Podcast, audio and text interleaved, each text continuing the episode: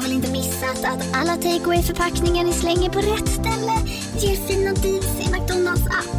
Även om skräpet kommer från andra snabbmatsrestauranger. Exempelvis...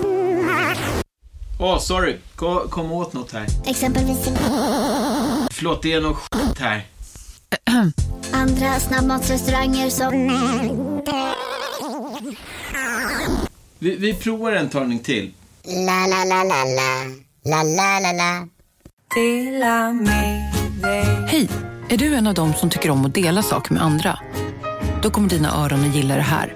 Hos Telenor kan man dela mobilabonnemang. Ju fler ni är, desto billigare blir det. Skaffa Telenor familj med upp till sju extra användare. Välkommen till någon av Telenors butiker eller telenor.se.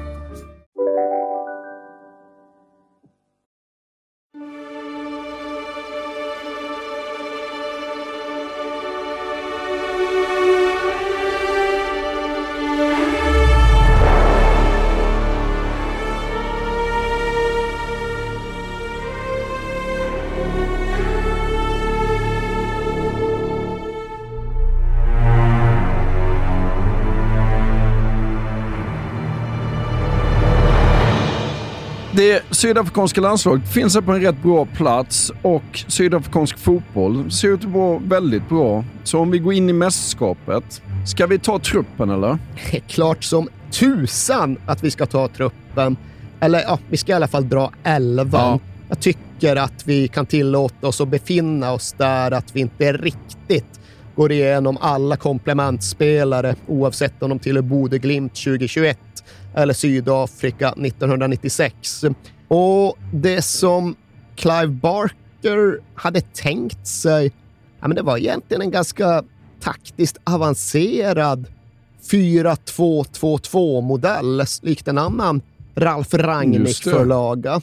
Och i mål hade de en, ja, men ganska färsk keeper som hette André Arendse från Cape Town Spurs av alla klubbar. Eh, framför honom en fyrbackslinje med men, variation och modifikation. För till höger en ganska traditionell högerback som hette Sisve Motaung. Och sen kapten Kodisa, alltså Neil Tovey, som självklart inslag i mittförsvaret. Men där fanns även Mark Fish, som av Tovey beskrevs som a young, live for the moment kind of player. Ja. Och han var väl just a live for the moment kind of player. Hade rykte om sig vid sidan av plan som rätt mycket av en playboy. Och det förstärktes absolut av att han hade varit inblandad i ett par svåra bilkrascher då han hade kört onykter. Jaha. Och rattfylla ses i och för sig som en mycket mildare företeelse kulturellt i Sydafrika än i Sverige. Men det är klart att det inte var hans stoltaste ögonblick, vem som nu än tittade.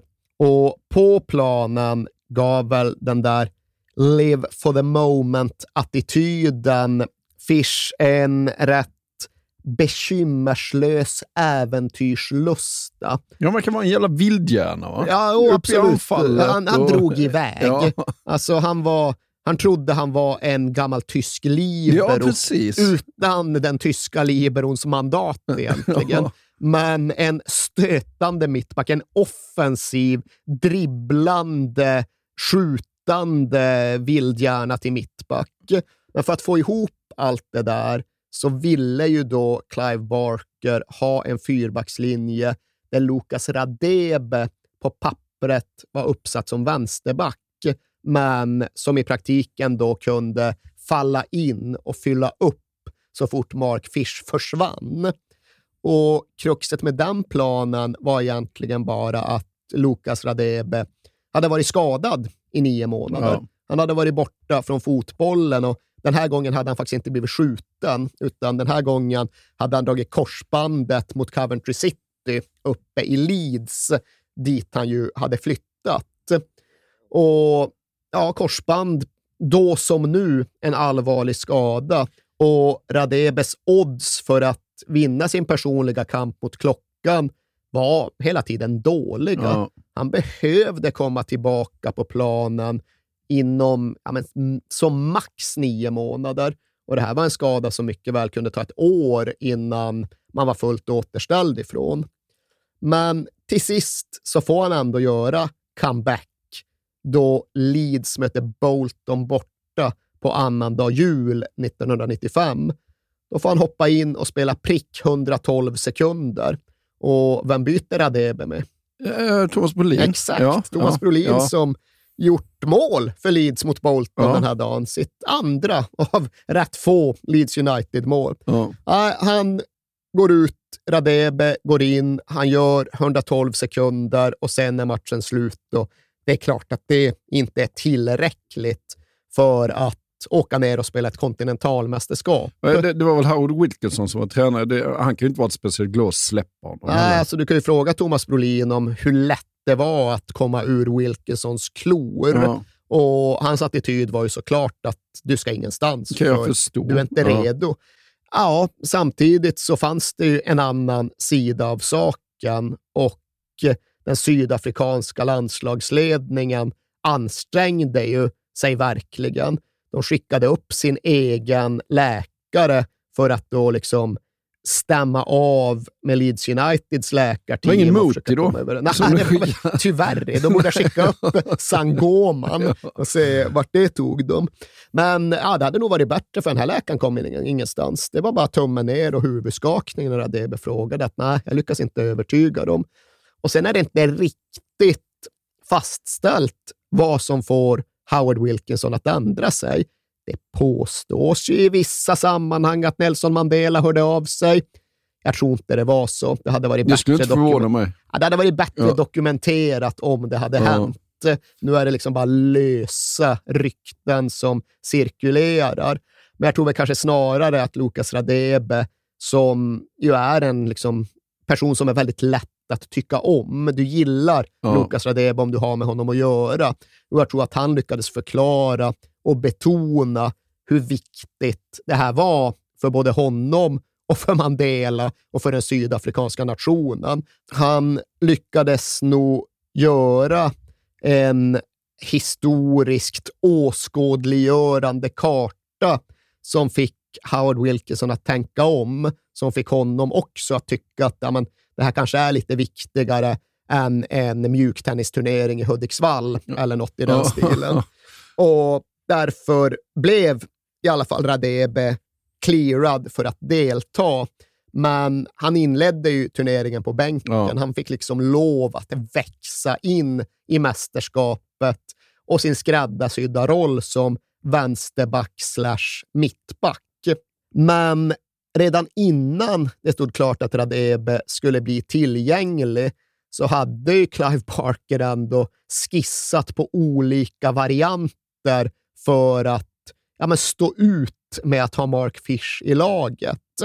Och en grund som man bestämde sig för, det var ju då blocket med det de i Argentina kallar för en dubbelfemma, alltså två defensiva mittfältare framför mittbackarna. Där skulle Eric Tinkler samla boll och där skulle Linda Butelezzi också kriga och tackla och täcka ytor. Vad tror du förresten bollvinnaren med förnamnet Linda har som smeknamn? Det, ja, tror du att jag vet det? Ja, det är rätt svårgissat också, för det har inget med förnamnet Linda att göra. Ja, Han kallades eh, Mercedes-Benz av någon anledning som jag har glömt bort. Det är ju Men- fantastiska smeknamn. det. Och liksom på offensivt inne mitt, eller på offensivt mittfält är det inte heller trista namn och smeknamn. För det var inte bara för Mark Fishers skull som Clive Barker ville ha dubbla bollvinnare. Han ville ju även ha det för att kunna släppa loss sina två mittfältskreatörer. Och det var ju då legendaren Dr. Kumalo och John Moshu från Deep Cloth Soweto. Och det här var två spektakulära spelare, två otroligt sevärda kreatörer som såklart också hade sina smeknamn. Vi börjar med Dr. Kumalo. Vart hamnar vi då? Någonting med doktor kanske? Ja, alltså till att börja med är ju doktor ett smeknamn, Ja. för han är inte döpt till doktor. Nej. Men jag tror att han fick väl, han bara utnämndes till doktor av fotboll eftersom att han var så jävla bra. Ja. Men det var så etablerat så att det liksom inte räknades som smeknamn längre. Nej. Det såg som ett tilltalsnamn, så han behövde ett smeknamn ovanpå sitt Och smeknamn. vad var det då? 16V, 16 volt. Jaha. För att eh, han hade så jävla motor. Ja. Det är också ett jävla kvalitetssmeknamn. Liksom. Både utskrivet, liksom 16V ser ju coolt ut. 16 volt, är, det är quality. Ja. Och han var väl, alltså Lucas Radebe, Mark Fish, det var väl lagets bästa spelare. Men Dr. Kumalo, det var ju lagets största spelare. Och Clive Barker, ja men han kunde inte liksom, han kunde inte få sig själv att säga att någon annan än den nästan statsmannalika Dr. Kumalo var bäst. You know that song by Tina Turner? Simply the best. That's Doc. Och den, den statusen hade han i Sydafrika generellt och även i det här landslaget specifikt. Ja. Och sen då bredvid honom John Mushu. Och där är det inte så jävla svårt att gissa hans smeknamn. Det är ju trist Ja, någonting med fonetiskt. shoe. Ja, det är Ja. Shoes helt Ja, enkelt. shoes. Och det är ett ja. skitbra smeknamn det också. Ja. Ifall det inte bara hade varit fonetiskt hade det varit fem plus. För Ja. bara att kallas Shoes, apropå ingenting liksom. Håkan Skorna Andreasson. Det hade också varit, Ja. ja. det varit svinbra. Men de fick ju då båda fria roller och de skulle komma att svara upp mot det, för det här var två jävligt begåvade och skickliga bolllirare. Och framåt i laget så fanns det faktiskt gott om beprövade och etablerade alternativ. Lukas Radebe hade ju inte flyttat ensam till Leeds och England, utan med honom hade ju även Phil Masinga, Philomen Masinga följt. Ja. Och att han skulle starta i anfallet var det nog inte så väldigt mycket snack om. Sen var frågan om vem som skulle spela bredvid honom. Och där fanns unga Sean Bartlett som speedkulealternativ. Han skulle ju också komma att hamna i Premier League och Charlton, men hade inte riktigt hunnit dit ännu. Men sen var egentligen det stora rubriknamnet, alltså personen med mest medietid in mot turneringen, killen som heter Sean Dundee. Och ni kommer säkert ihåg Sean Dundee från en kort och blandad tid i Liverpool. Eller jag jävla, han spelade knappt, så jag vet inte hur blandad den var. Men han blev ju ändå värvad till Liverpool av en anledning. Och det var ju att han hade vräkt, nåja, mål in i Bundesliga. Hade ändå blivit liksom en etablerad, beprövad, uppskattad Bundesliga-striker med Karlsruhe.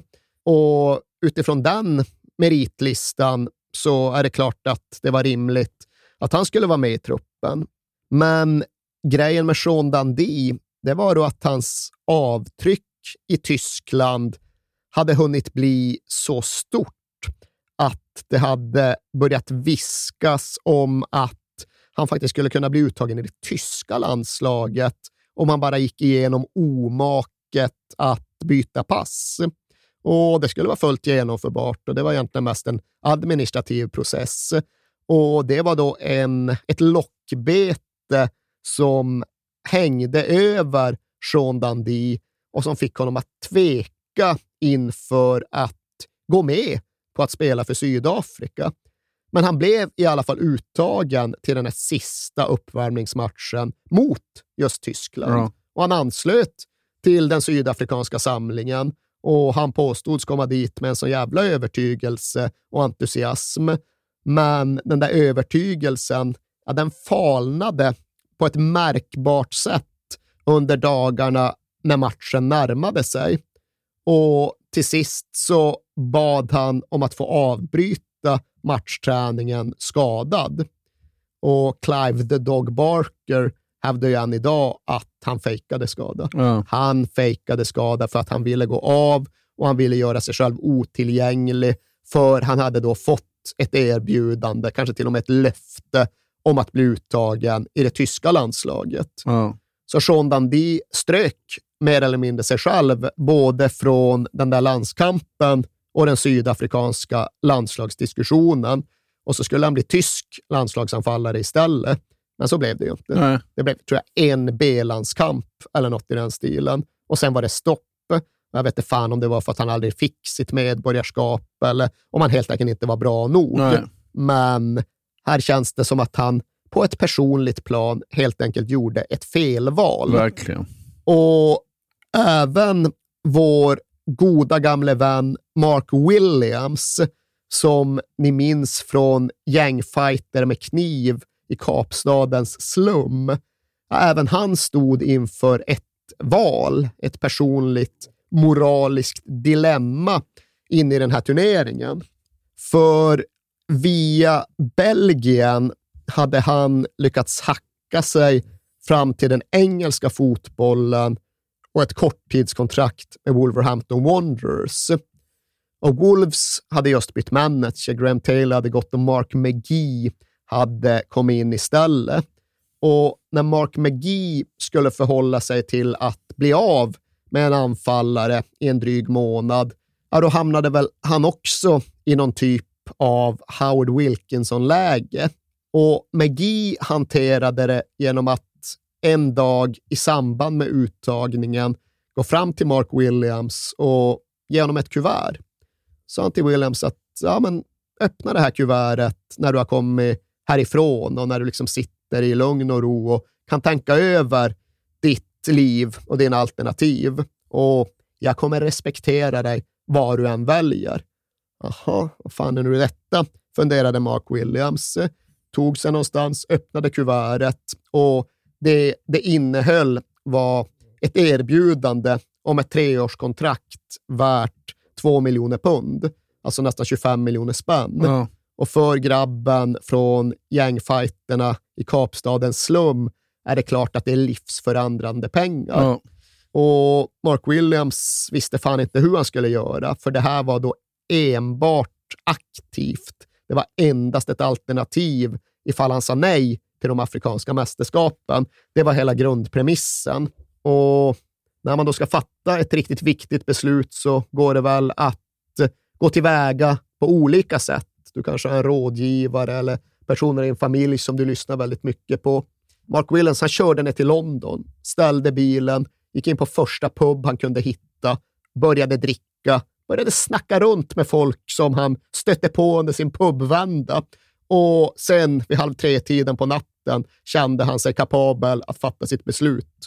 Det blir Sydafrika. Ja. Det blir Afrikanska Ja. mästerskapen. Nu har jag allt underlag jag behöver. Det var en snubbe vid Guinness-pumpen på The White Swan som sa att det vore en bra idé att spela för sitt land. Så vad fan, då är det så det får bli. Ja.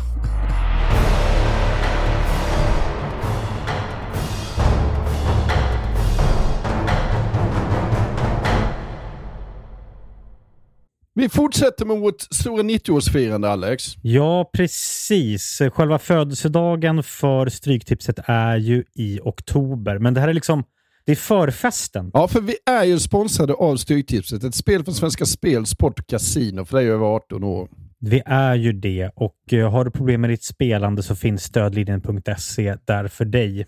Och jag eh, funderar lite så här, undrar hur många som har haft 13 rätt genom de här 90 åren. Som har eh, förtjänat den här respekttröjan. Liksom. Vi firar ju på vårt speciella sätt med våra kära lyssnare som ja, älskar Stryktipset och har skickat in historier till oss om eh, hur Stryktipset har påverkat dem i 90 minuten. Och fortsätt gärna skicka in de fina historierna till kings at perfectdaymedia.se. Har vi någon historia idag? Ja, det har vi. Och den kommer från Thomas. Den är kort Mm. koncis. Mm. Den går så här. Jag vill tro att detta är 2010. Arsenal spelar otrolig fotboll och ska bara städa av Sunderland och leder med 1-0 på stopptid. Mm. Jag har 12 rätt med häng på 13. Jag minns som sagt inte vilket år det är, men målskytten glömmer jag aldrig. Darren fucking Bent. Han bombar in 1-1 och 12 blir 11 som sen blir 10 rätt. Styrtipset är verkligen otroligt och otroligt grymt ibland. Tack för en fin podd. Om jag inte har helt fel så har Darren Bent även en historia i Tottenham, va? Det har han, verkligen. Ja. Men det går Så- vi inte in på nu. Nej, men det var ju ändå fint att Darren Bent sänker Arsenal för Sunderland. Ja, det får man ändå säga. Men vi säger stort tack till Thomas och vi säger stort tack till våra vänner på Stryktipset. Vi är sponsrade av Ikano Bank och Ikano Bank är ju banken för allt som rör hus, hem och ekonomin däromkring. Och de har ju också en tagline som är Sveriges hemkäraste bank. Är inte det exakt det man är ute efter när man söker efter en bank?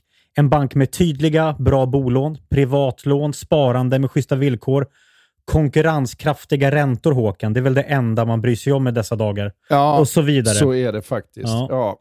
Och de har ju faktiskt rätt att kalla sig Sveriges hemkäraste bank. Därför att Ikano Bank startades av grundaren till Ikea.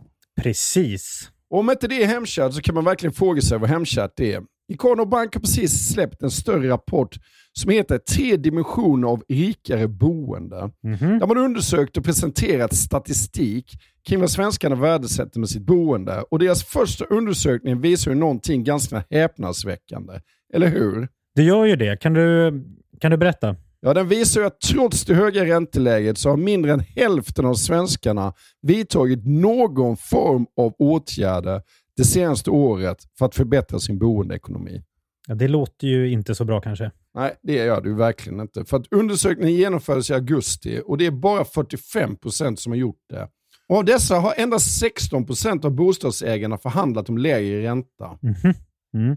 Många verkar ju ha en uppfattning om att det är jobbigt och krångligt att byta bank, vilket det inte är. Fler borde kolla upp om du kan spara pengar genom att byta bank. Därför uppmanar vi er att ta kontakt med Ikano Bank eller gå in på ikanobank.se för att se om du faktiskt kan få en bättre ränta. Vilket är en no-brainer med tanke på hur ränteläget ser ut, eller hur? Verkligen, så är det ju. Vi säger stort tack till Ikano Bank.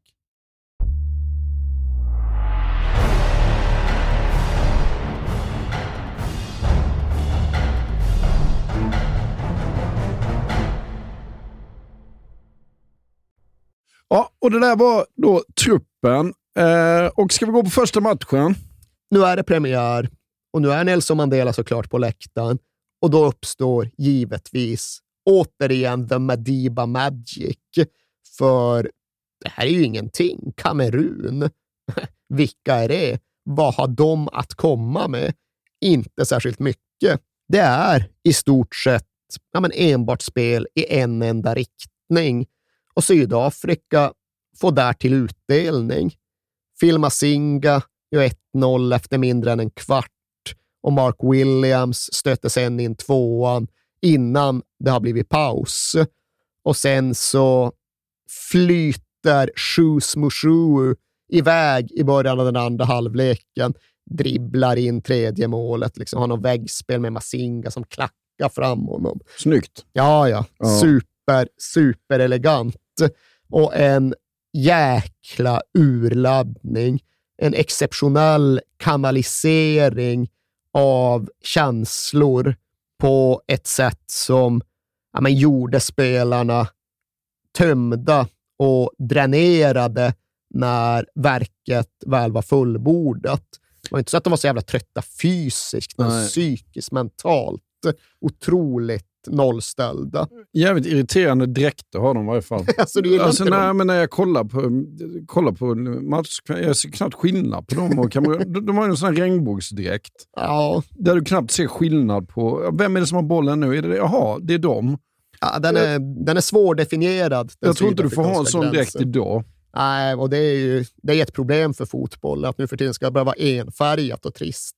Man vill ha spräckligt och Ja. jävligt. Fördelen är ju att man då ser skillnad på lagen. Överskattad Ja. fördel. Ja. Men oaktat dräkterna så var ju Clive Barkers bedömning efter matchen att okej, här behöver det fyllas på energidepåer. Och det var då inte tillräckligt med att ligga på hotellet och få massage av någon i staben under en vilodag, utan nu var det faktiskt en hel vecka fram till nästa match. Och det innebar att Barker tog ja, men det väldigt oortodoxa beslutet att låta spelarna ta semester.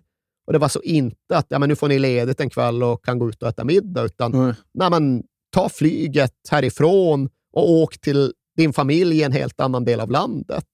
Så de liksom checkade mer eller mindre ut från hotellet, åkte till flygplatsen, satte sig på första maskin till Durban och hängde där i ett dygn Det måste vara ovanligt. Oerhört Ja. ovanligt. Jag har aldrig hört talas om något liknande. Och verkligen ett sånt där drag som hade kunnat gå så jävla mycket i baklås, i alla fall sett till opinionen. Tänk ifall de kommer tillbaka gör en dålig match i andra rundan. Hur jävla mycket skit hade inte förbundskaptenen fått då? Ja. Och nu kommer de tillbaks och gör väl en halvdan match. Det är inte den där förtrollade viben som det hade varit mot Kamerun, utan det är en svårspelad, jämn, oviss match mot ett knussligt Angola som då ska påminna om Argentina, som Ja. bekant. Ja. Det vette fan om de gör, men till sist lyckas ändå Barkers mannar klämma ur sig en seger genom ett 1-0 mål av vår kompis Mark Williams efter en knapp timme.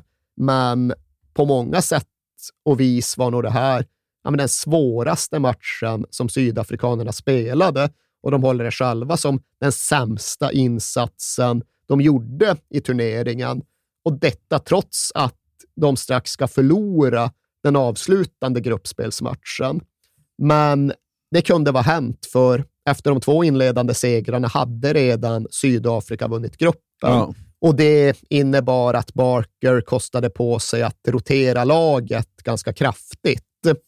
Det hade han inte gjort ifall gruppsegern stod på spel, för den värderade sydafrikanerna högt. Den innebar ju nämligen att de skulle kunna ligga kvar i Johannesburg, att de inte skulle behöva flytta till någon annan del av landet för att spela slutspel, utan att de kunde hänga vidare på Marks Park Sport Club i Melville Coppis, där i nordvästra utkanten av Johannesburg. Det var där de tränade och sen bodde de på Sunnyside Hotel i närintilliggande Parktown. Och det var då dit Nelson Mandela brukade dyka upp mest hela tiden. Och ja, ibland tog han med liksom sina barnbarn och Ja. lät dem leka med spelarnas barn och ska ju trots då den oundvikliga pressen ha bidragit till en ja, men jävligt gemytlig och definitivt minnesvärd stämning. För det vittnar ju så gott som alla de inblandade spelarna om hur jävla bra de ändå trivdes där på spelarhotellet. Absolut, det var väl skönt att få flyga iväg och träffa familjen, men det var fan nästan så att vi längtade tillbaka, för de hade så jävla gött häng på hotellet och på träningsanläggningen. Och de hade ju en pianobar längst ner och där satt Eric Tinklers farsa och spelade gamla evergreens mest varenda kväll. Och vår kompis Mark Williams, han var ju en sång och dansman. Så Vad tror du Frank Sinatra? Exakt, Ja. han hakade på och stod där och croonade. Och Lucas Radebe, han träffade sin framtida fru där någonstans på parkeringen. Och, och när det väl började bli lite väl tyst i pianobaren, ja, men då tillät ändå Clive Barker spelarna att gå ut, att liksom fortsätta kvällen på byn.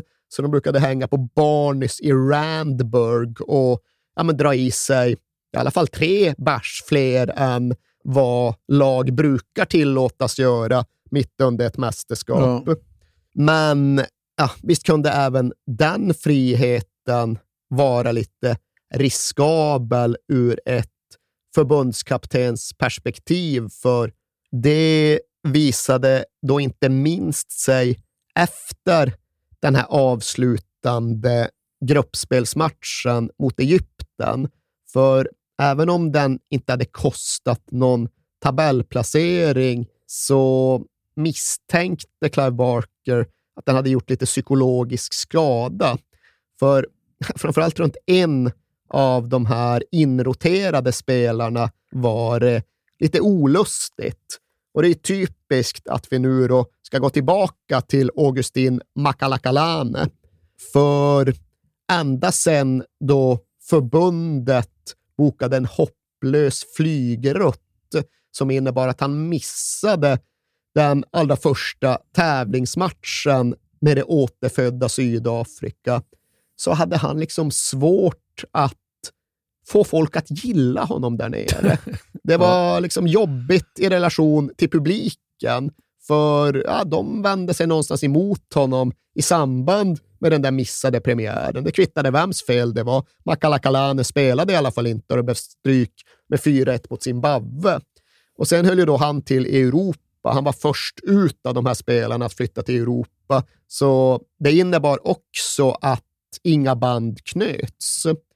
Och i den här sista gruppspelsmatchen mot Egypten så blev Makalakalane utbuad egentligen från första minut enbart för att han var Makalakalane. Ja. Och Clive Barker tyckte att det där var en destruktiv situation, så han bytte ut Makalakalane redan en bra bit före pausvilan. Den typen av byte du egentligen inte gör Nej. ifall det inte är på grund av skada. Och alltså Det går att förstå honom, för Barker menade att fan, nu var det plötsligt negativt från läktarna. De liksom buar åt oss. Och det är inte bara den här killen som på hela laget påverkas av detta. Så han behövde liksom komma bort från den situationen. Men konsekvensen blir ju såklart att Makalakalane än en gång blir offrad och uthängd för, ja, utan att själv gjort något fel. Nej, liksom. Och ja, Det var hans fotbollsresa genom de här frihetsåren. Och den hade ju kunnat vara roligare. Men ja, Clive Barker han tyckte inte att det kändes bra på ett kollektivt plan kvällen efter den här förlusten.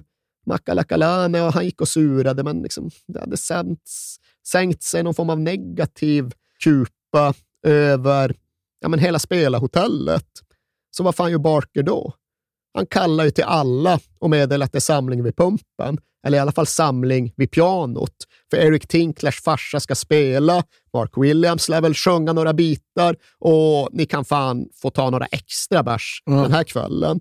Och kvartsfinalen spelades mot ett bollskickligt och omställningsstarkt Algeriet i ett eh, jävla hällregn.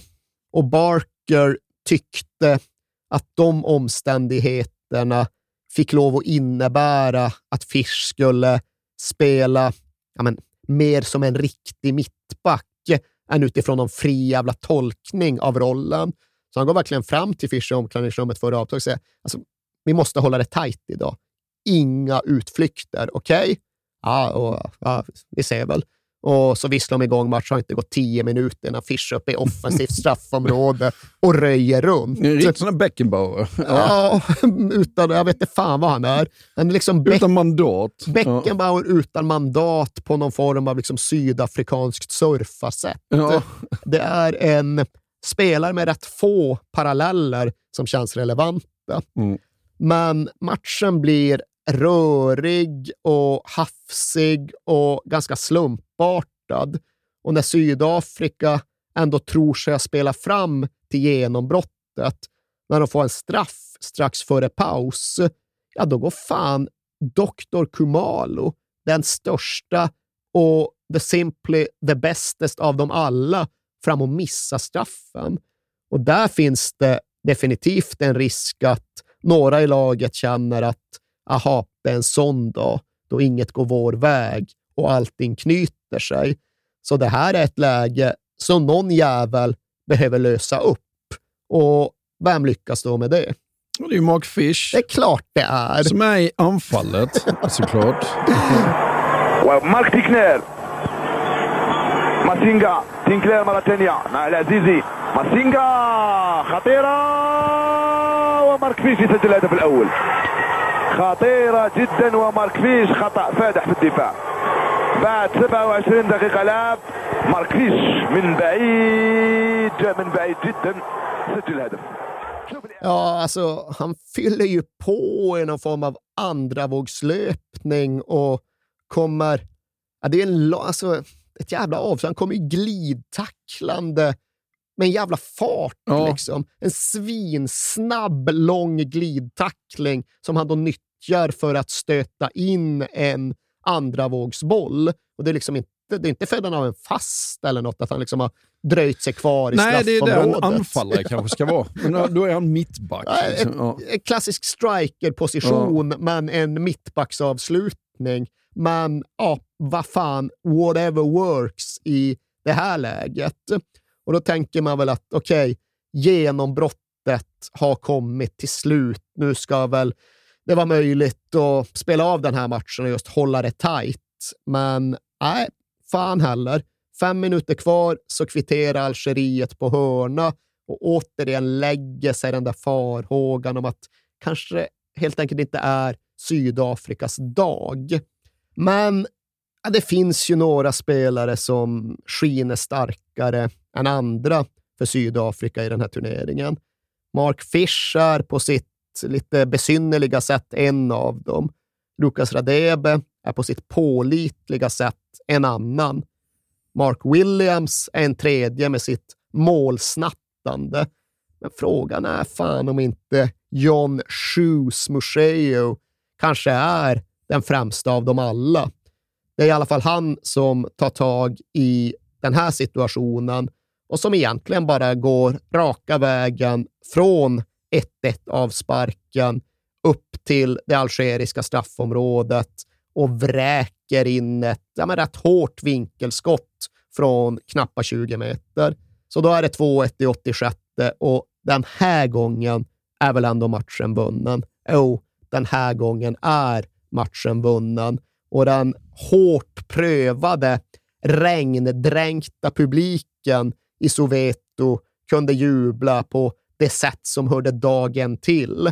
Det var som någon beskrev det, Soccer City förvandlades till en enda stor gelé av studsande paraplyer och det är en skildring så god som någon. Ja. Och I semin väntar Ghana. Mm, och en intern Leeds-duell. För även om Ghana var lite decimerat, de saknade både Abedi Pelé och Sami Kufur, så leddes de ju av strikern Tony Yeboah. Och alla vi som minns vårt 1990-tal vet ju vilka jävla drömmål Yeboah kunde göra för både Eintracht Frankfurt och för Leeds. Och ja, det visste såklart sydafrikanerna och främst Lucas Radebe också. Och på väg ut till match i spelartunneln så är det inte bara kärvänliga omfamningar mellan de två lagkamraterna som nu spelade i olika tröjor, utan Jeboa passade på att skjuta in någon psykning för att sätta griller i Radebes huvud. Ta det lugnt nu, varför? Du vill ju inte skada knät igen. Nästan lite hotfullt. Ja, det är hotfullt eller i alla fall mentalt krigiskt. Ditt favoritord mind game. Ja, precis. Ja, det, det är mer mind game än Alex Ferguson mot Kevin Keegan. Det är det fan i mig. Och kanske satte det sig lite grann för Lucas Radebe var ju outstanding under de matcher han faktiskt spelade i den här turneringen. Var så gott som omöjlig att passera, så gott som felfri, förutom då vid en situation i början av den här semifinalen, då han slår av någon sorts blandning mellan sidleds och bakåtpassning alldeles för löst och snävt. Och plötsligt hade han då frispelat Tony Eboa. Och där är det väl 1-0 till Ghana, fyra gånger av fem. Men det här var den femte. Yeboah får inte in bollen och sen får han knappt röra bollen igen. För sen skärper Lucas Radebe till sig och markerar ut Yeboah på ett sätt som får Clive Barker att beskriva honom som, trots de andra kandidaterna, ja, men vår bästa spelare i turneringen. Ja. Han markerar bort Yeboah på ett sätt som berättigar honom till sitt smeknamn. Och han har ju flera, vissa kallar hon- honom för The Chief och sådär. Men i Sydafrika, eller i alla fall hos Nelson Mandela, så är han ju känd som Mtim Kulu, eller något i den stilen. Mtim Kulu, som då betyder det stora trädet. Jaha. Det är då Nelson Mandelas mer eller mindre personliga smeknamn på Lucas Radebe. Ja. Och har man erövrat ett sånt, har man fått Nelson Mandela att benämna en själv som det stora trädet, då har man på många sätt rätt klar. Ja, alltså. det är man faktiskt. Men det var inte enbart Lucas Radebe som presterade för Sydafrika i den här semin, utan Shoes Mushuo är ju ytterligare en gång utslagsgivande. Och han gör då 1-0 för hemmalaget på en jävla bicykleta. Och sen pinnar Sean Bartlett igenom och gör 2-0. Och sen är det Shoes igen som sätter dit 3-0. Och det här är ju enligt de flesta den bästa match som Sydafrika gör i det här mästerskapet. Kanske till och med den bästa landskamp Sydafrika någonsin har gjort till dags dato. Och ja, det kan ni väl diskutera i smågrupper Ja. ifall ni känner er manade. Men förbundskapten Clive Barker, han gillar i alla fall att åskådliggöra det med sin skröna om hur Ghanas brasilianska förbundskapten Ismael Kurz kommer fram till honom med en brasiliansk landslagströja alldeles efter slutsignal.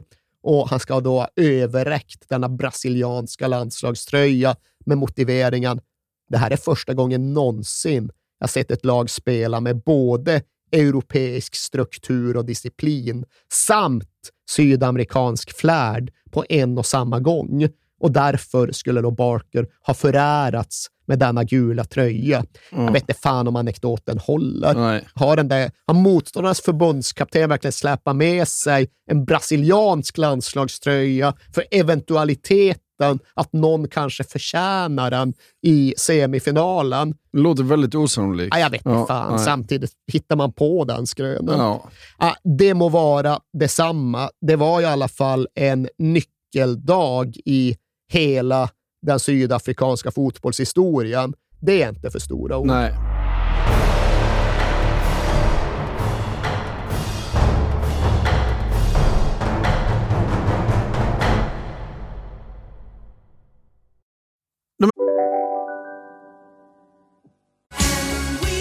Just nu till alla hemmafixare som gillar Julas låga priser. En Royobi grästrimmer inklusive batteri och laddare för nedklippta 1 499 kronor. Inget kan stoppa dig nu.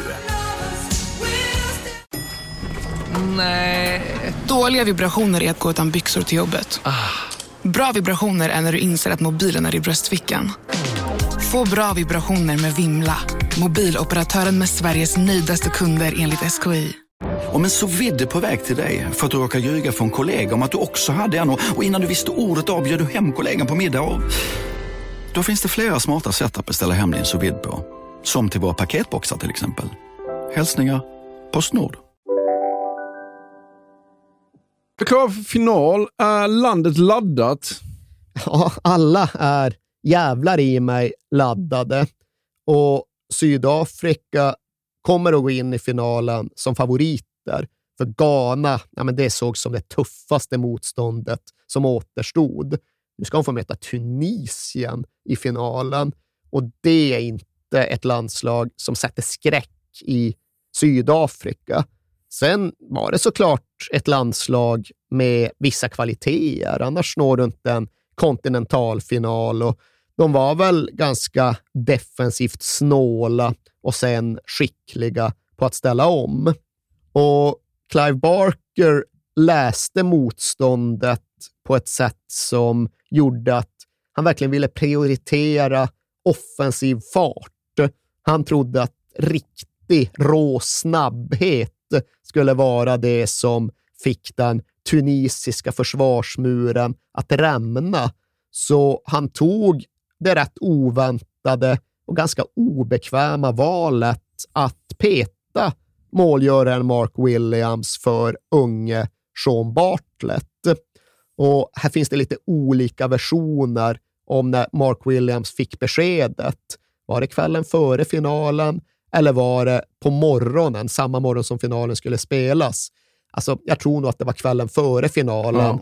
för det Williams i alla fall gjorde den kvällen, ja, det var att gå på puben. Ja. Och det var inte Mark Fischkraft i den här utgången, men han smög i alla fall iväg på en osanktionerad barrunda. Och fan, vilka träffade han där? Ja, där står rugbylandslaget från 95. Ja, det var helvete. En trevliga gossar. Och det var tre, fyra Heineken, det var lite göttkött med rugbylaget och sen tillbaks till hotellet. Och tar man den vändan ifall man inte är besviken Nej. på att ha blivit petad, tar man den vändan ifall man tror man ska starta mästerskapsfinalen dagen efter. Mark Williams, vi vet ju det att när han stod inför svåra situationer, ja, då gillade, då tänkte han klart på puben. Så jag vill nog ändå tro att det var just petningen som tog honom på den här barrundan. Ja. Men sen är det finaldagen.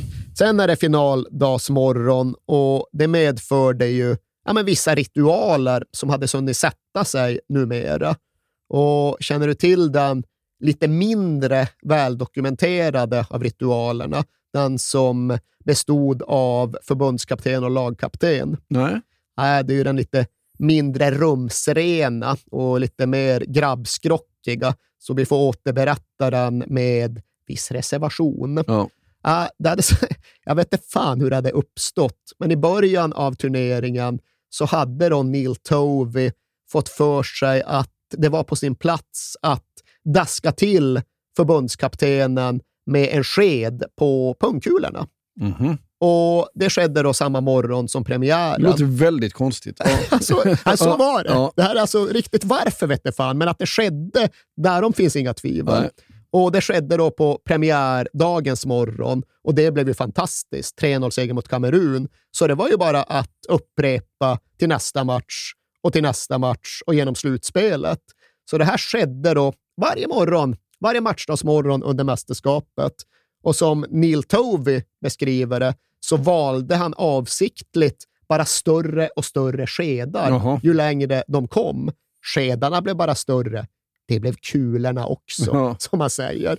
Och nu var det då final. Nu var det jävla Bamse till sked han tog fram Ja. och en jävla snärt han drog iväg. Och jag vet inte ifall det här är en, ritual värd att upprepa. Det känns som don't try this at home. Nej, verkligen inte. Men så gick det i alla fall till. Och det var den lite mindre dokumenterade sydafrikanska ritualen. Sen fanns ju en väldigt väldokumenterad också.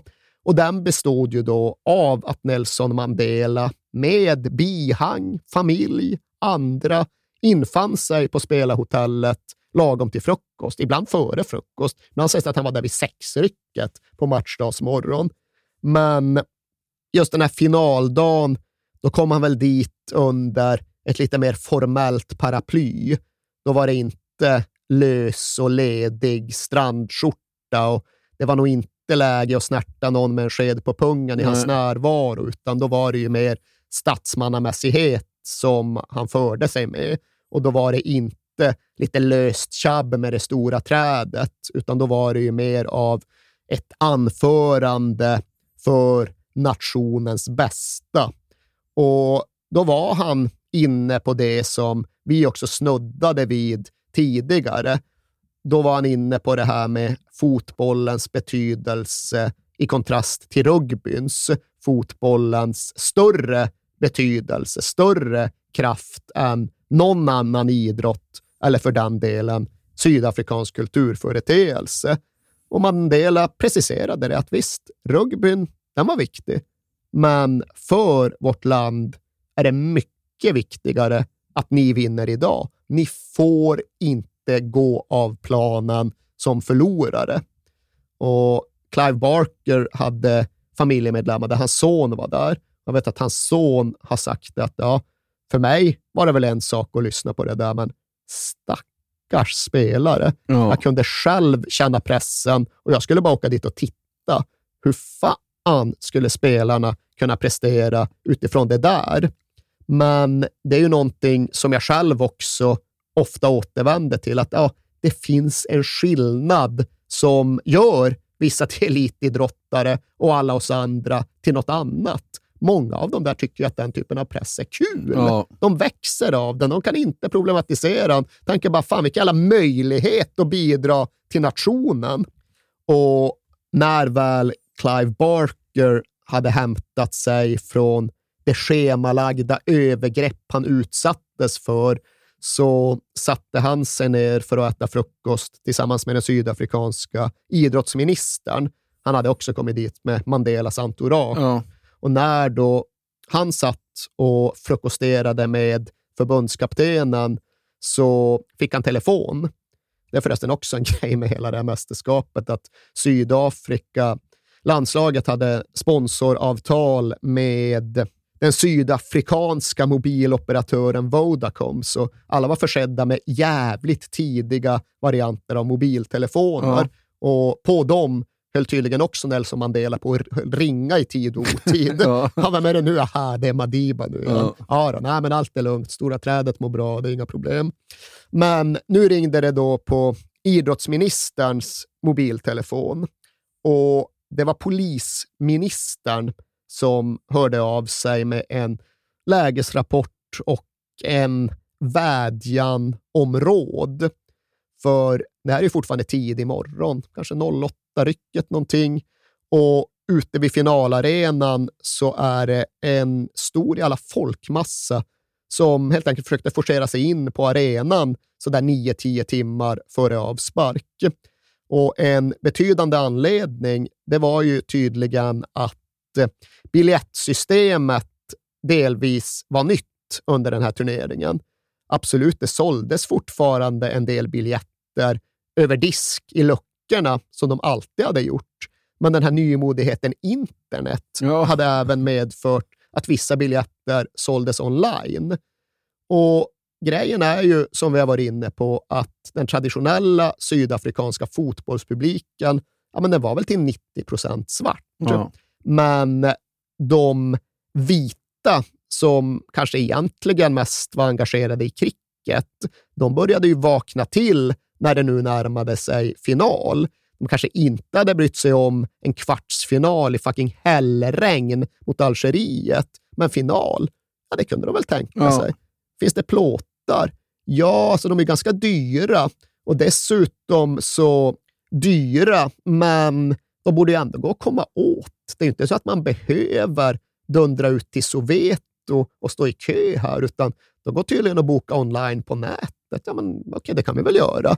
Så en stor andel biljetter till finalen såldes då online till en företrädelsevis vit publik som kanske inte brukade gå på fotboll så jävla ofta. Och konsekvensen blev naturligtvis att tiotusentals ur landslagets traditionella kärnpublik inte fick några biljetter Nej. och fattade inte varför. Vadå inga biljetter? Liksom, vi har ju stått i den här kön, vi har ju sett att ni kan inte ha sålt 90 000 plåtar. Ja, men online inte. Vadå online? Nej, liksom? Vad är det för Ja, jävla stackarna, snack? ja. Och ja, i det läget så uppstår ju helt enkelt den här situationen då stora uppretade massor bestämmer sig för att ta sig in oavsett vad. Och det här behövde då hanteras. Och idrottsministern ska ju, ja, alltså, han fattar inga beslut här. Han blev bara tillfrågad som bollplank, utan han vände då tillbaka beslutet till polisministern. Ja, nej, det, det här får du hantera, hur du nu hanterar det. Och här kan man ju liksom kolla på olika scenarier. Det ena är ju att möta situationen med våld Ja. på traditionellt sydafrikanskt polisiärt sätt.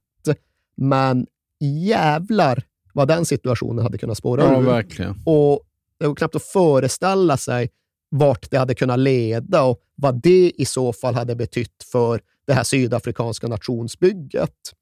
Så polisministern, en herre som heter Steve Trevete, han beslutade sig för att släppa in folk. Ja. Och Det innebär ju att jag tror att den officiella kapaciteten var typ 80 000 på matchen. Alla säger minst 100 000. Ja. Och liksom folk som hängde från tak och sådär. Och Det går ju att beskriva som ett fullständigt oansvarigt risktagande. Ja. Knappt fem år som har gått sedan Hillsborough. Liksom, fotbollsvärlden vet vad som kan ske. Det var inte många år sedan 40 pers stod på ett Soweto-derby. Sydafrika vet vad som kan ske. Och Clive Barker, som då har återberättat detta, han säger ju precis detta också. Så att, ja, det här kunde ha blivit en katastrof, men polisministern tog en chans och riskerade att skada väldigt många människor. Men det säger ändå Clive Barker med någon form av positiv underton. Ja. Han tycker att, ja men, ställd inför ett par dåliga val så var det fan ändå bättre att chansa.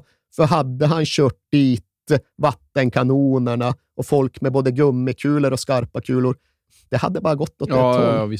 Och det hade inte varit bra för någon, allra minst för Nelson Mandela och för Sydafrika. Så när oddsen såg ut på det sättet utifrån det ena alternativet, ja, då återstod bara det andra. Då var det bara att fatta det beslutet och sen be till någon medicinman eller vilka högre makter du nu väljer att tro på. Och Clive Barker avslutar ju då sin bedömning av situationen och personen med att beskriva polisministern som “He was a tough man, a top class person and I loved him”. Ja. Om vi närmar oss matchen då? Ja, då är det ju ja, men även om spelarna var ovetande om den här potentiella katastrofen, såklart ändå en rätt allvarstyngd stämning i spelarbussen på väg till match. De har ändå fått veta, de har påmints av Nelson Mandela, att de helt enkelt inte får förlora. Så visst kan det sänka sig en tyngd över ett idrottslag i den situationen. Men ja, det finns ju då en snubbe som beslutar sig för att göra sitt för att lätta upp på det sätt som krävs. Mark Williams. Ja, vår goda, goda kamrat. Som har blivit Mark bänkad. Williams. Ja. Som har blivit bänkad, som kanske är lite bakfull, men som ändå känner att, äh, vad fan, jag är ju truppens Frank Sinatra. Ja. Så det är väl bara att resa sig upp i gången och köra några låtar. Testa lite nytt material, några gamla klassiker, evergreens från förr. Och då får han ju igång sina lagkamrater. Helt plötsligt blir det en afrikansk spelarbuss. Det sjungs och det trummas och det bankas på fönsterrutor. Och Clive Barker blir ju, kanske inte hänförd av musiken, men av gesten. Ja. What a great man, Mark Williams. All rätt i världen att vara besviken, att vara förbannad, att gå in i sin egen bubbla, att sluta sig i sitt eget skal. Men nej, inte han. Inte gangstergrabben från Hanover Park i Kapstaden. Han tänkte annorlunda och gav därmed sitt första stora bidrag till den här finaldagen. Och det skulle komma fler. Och det skulle komma fler ögonblick att minnas också. För ja, oavsett om det var rätt eller fel av polisministern att agera som han gjorde, så bidrog han ju till inramningen. För det är klart att det är en sak att gå ut på en arena med 80 000 platser och mötas av 80 000 åskådare. Det är ju mäktigt. Ja. Men att gå ut på en arena med 80 000 platser och mötas av 110 000. Ja. Liksom folk som hänger från tak och du ser ju inte en betongcentimeter. Varenda trappbit är ju överfull. Ja, Det ger ju ett annat intryck. Och så ska den nykomponerade, liksom sammansmälta nationalsången spelas. Och det beskriver målvakten André Arendtse som i alla fall sitt allra starkaste minne från hela sin fotbollskarriär. För ja, jag såg svarta ansikten, vita ansikten, indiska ansikten, färgade ansikten, alla tillsammans. Och det var en sån drivkraft för mig och de andra i laget. Och den drivkraften fungerade. It absolutely worked. Ja. Så det var drivkraften. Återstod, gjorde taktiken. Och vet du, Clive Barker beskriver sin egen finaltaktik. Nej. Han refererar till boxaren Baby Jake Matlala. Och då kan man ju tänka sig att okay, Baby Jake han har redan fått ett smeknamn. Ja, men det vet vi, ibland räcker det inte med ett smeknamn. Utan Baby Jake Matlala fick även sitt ringnamn Slow Poison. Och liksom Slow Poison Matlala, han boxades ju på sitt sätt. Ja. Började ganska defensivt, avvaktande, såg till att inte åka på några tunga smällar och sen bara vänta, tålmodigt vänta. Sjunde ronden, nionde ronden, förr eller senare kom öppningen, blottan kommer att komma och sen satte han in sitt poison, the Ja. slow poison, och så vann han sina matcher. Det var sättet som Barker ville få sitt lag att agera.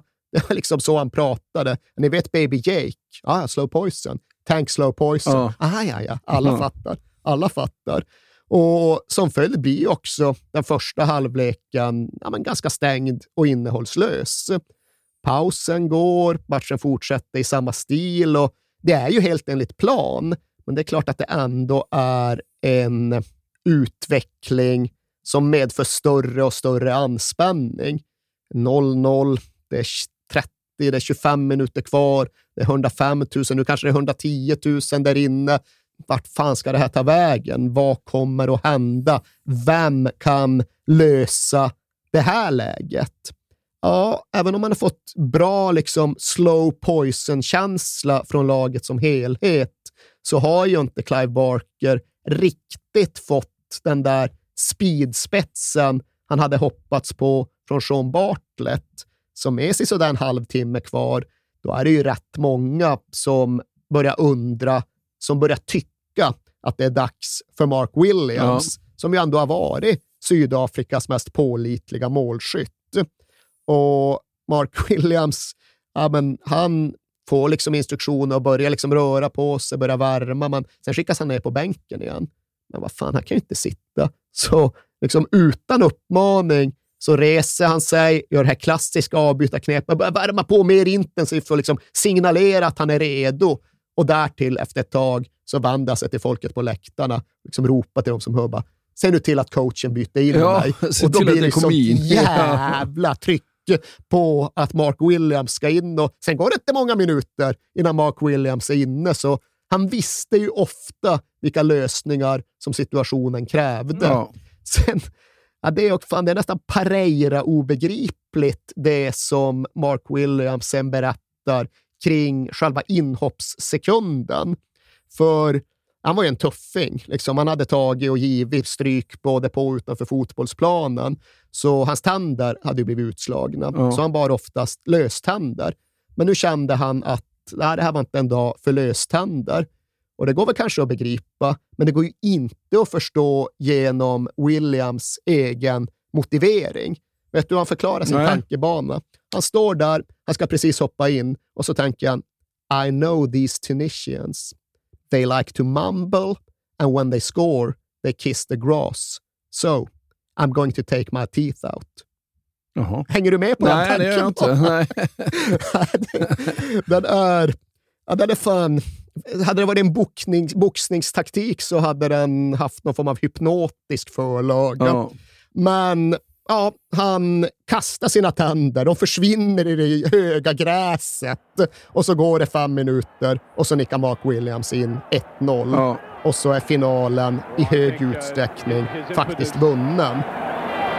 Really pushed them forward more than anything else, but uh, the goalkeeper again, Chokri, had one excellent save, the free kick taken earlier on. Ah, Kamalo. Here's Fish with a back header off the post. Tinkler came up, there it's, they've done it. Williams got in there.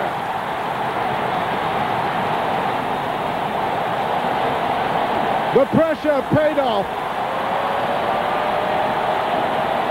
These two towering men causing the initial damage by their height. And at last they waited a long, long time for this. Here's the first touch by Fish. Off the post by Tinkler. Flicked across there. And down went the header. They really ground that defence in. Now watch the arms going up. And there he is, Nelson Mandela. Often have we seen him doing that now in these tournaments? Och är den inte definitivt säkrad, ja då löser Mark Williams den biffen också. Hinner knappt gå två minuter från 1-0 målet, så springer han in med 2-0 också. Ja. Och det är fan en ganska lång väg han har gått från det där massmordet mellan gäng med kniv och machetes på Kapstadens skuggsida fram till och med detta. Det är det verkligen. The final whistle went and a little piece of history here. South Africa back into FIFA circles and now winning the African Nations Cup, the 20th, for the first time at trying. Two goals by the substitute, Neil Toby, a rel- reliable, responsible player, beautiful reader of the game.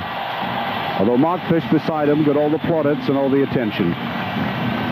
South Africa deservedly winning the 20th African Nations Cup.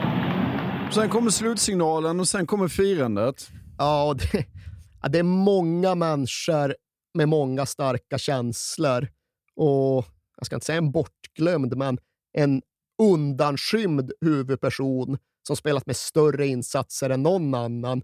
Det är ju den jävla polisministern. Ja. Han går ju då tydligen fram till Clive Barker och liksom bara säger, ah, förbundskapcoach, du måste leda mig till toaletten nu, för jag måste dit, men jag kan inte gå. Nej. Mina ben bär mig inte. Så det får Clive Barker syssla med. Samtidigt löper hans spelare ärevarv och Show Musheu är då ute vid kurvan och liksom möter människor och möter jublet. Och han möter känslor han aldrig har mött tidigare. Alltså, ja, och det kan liksom framstå som trivialt, men säger en vit person kom fram till mig och bad om min autograf. Ja. Det var första gången i mitt liv det hände mig och hade tårar i ögonen.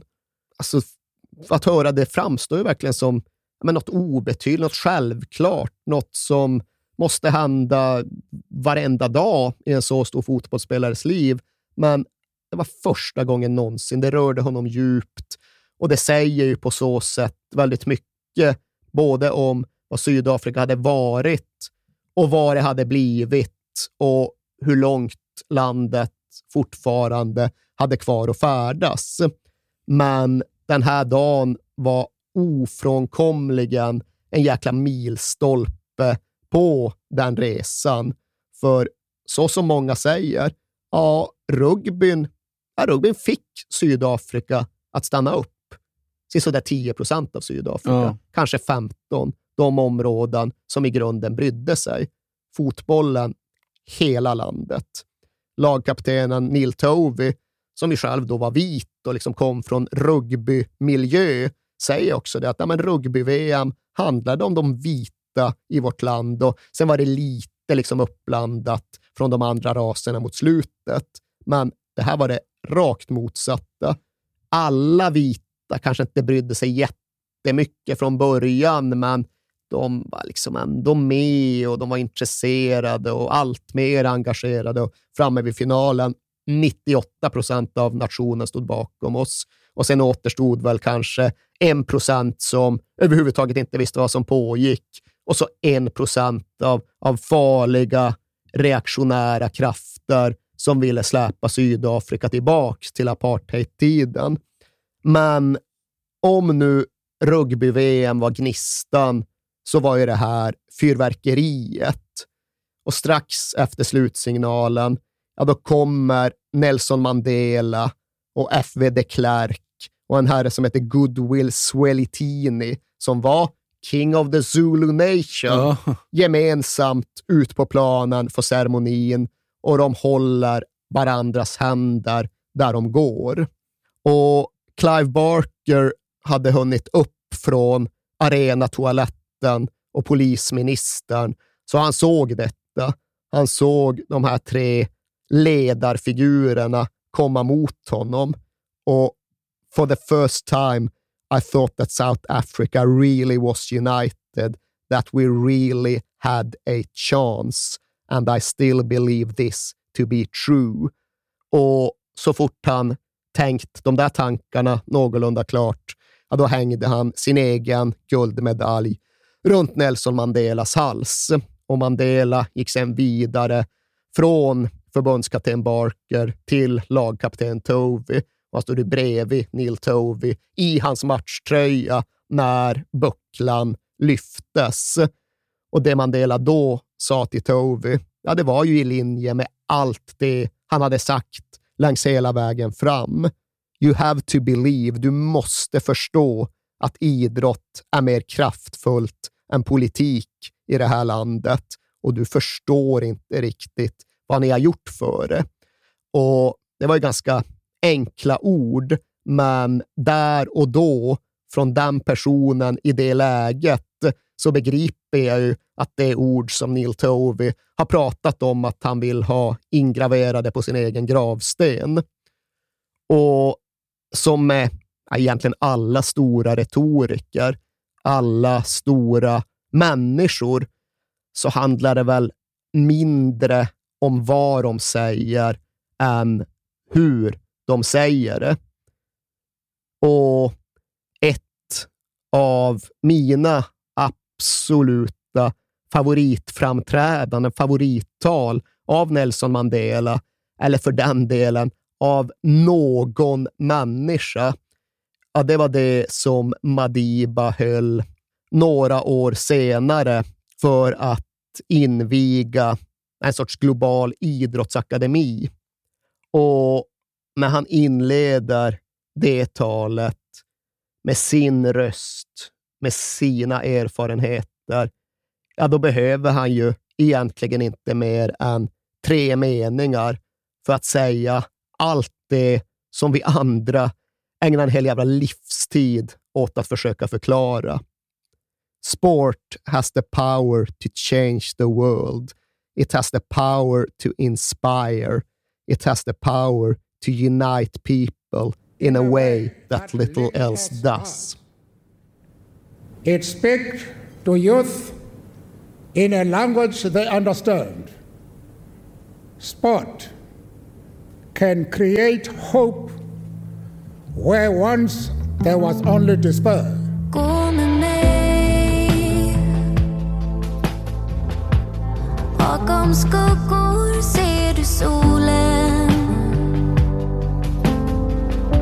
Och när du tvivlar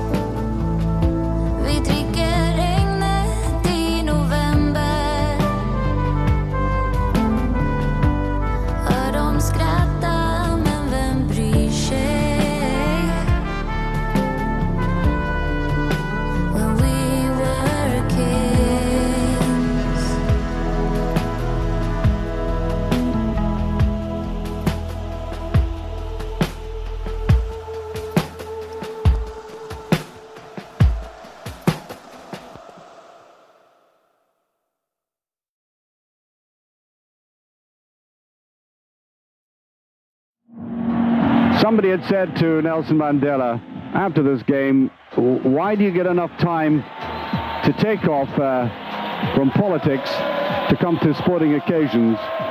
And somebody said beside him, well, you know, this football match, it is a political occasion. And so with a mix of uh, colours in the stadium, rainbow team and a rainbow audience, so it was that the, the crowd were justified in the tremendous support for this team.